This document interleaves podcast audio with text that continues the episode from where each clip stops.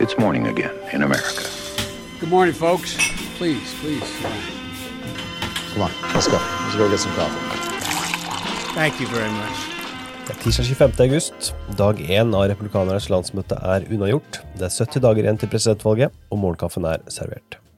Aller først, Kellyanne Conway, en av president Trumps nærmeste rådgivere helt siden valgkampen i 2016, har sagt opp stillingen sin i Det hvite hus for å tilbringe mer tid med familien. Og Joe Biden ser ut til å ha fått en liten stigning på meningsmålingene etter demokratenes landsmøte i forrige uke.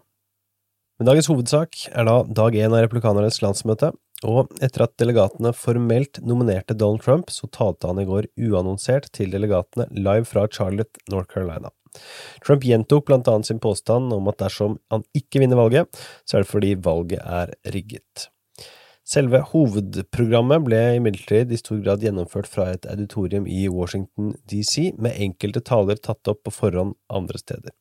Flere talere gjennom kvelden omtalte covid-19-pandemien i fortid, og fremmet påstander om at Trump var den eneste som tok koronaviruset på alvor tidlig.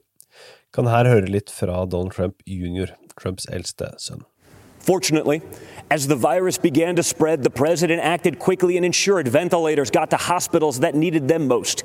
He delivered PPE to our brave frontline workers, and he rallied the mighty American private sector to tackle this new challenge. There's more work to do, but there is a light at the end of the tunnel.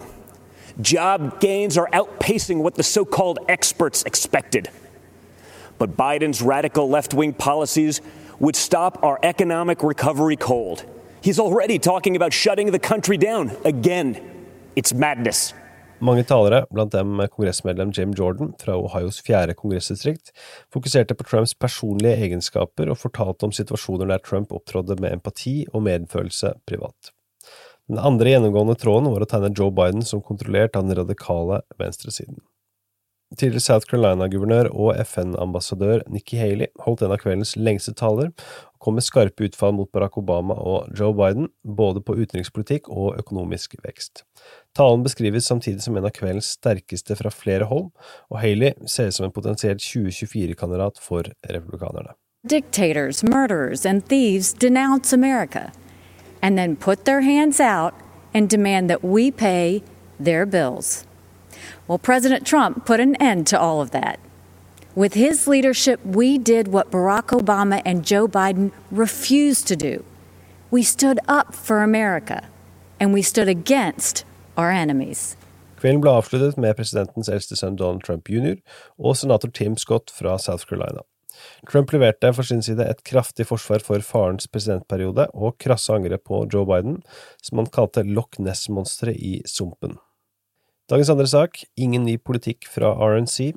Det republikanske partiet har vedtatt å ikke vedta noen ny politisk plattform på årets digitale landsmøte, og at man viderefører plattformen fra 2016.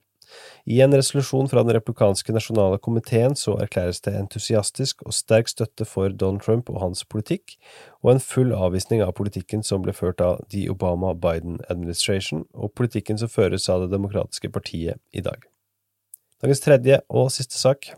Over 20 tidligere republikanske kongressmedlemmer kunngjorde mandag sin støtte til initiativet Republikanere for Biden, som er lansert av Biden-kampanjen for å nå republikanske velgere foran valget i november. Det mest profilerte i gruppen er tidligere Arizona-senator Jeff Flake, som har vært sterkt kritisk til Trump. Kan her høre litt fra Flake, som aldri har stemt for en demokrat tidligere. Now, putting country over party has a noble history here in Arizona. In 1992, Mr. Republican Barry Goldwater endorsed a Democrat running for Congress over a Republican who he felt would not represent the party well. Goldwater hadn't traded in his conservative credentials. Far from it. He simply believed that in that case, that the conservative cause would be better served over the long term if the Democrat prevailed. And that's what I believe today in this election. And that is what a growing number of Republicans believe and are declaring today as well. Dagens utgave av Målkaffen er servert av Sigrid Rege Gårdsvold og undertegnede Are Togoklaten. Du leser mer på amerikanskpolitikk.no, bl.a. om andre valgrunde i Oklahoma.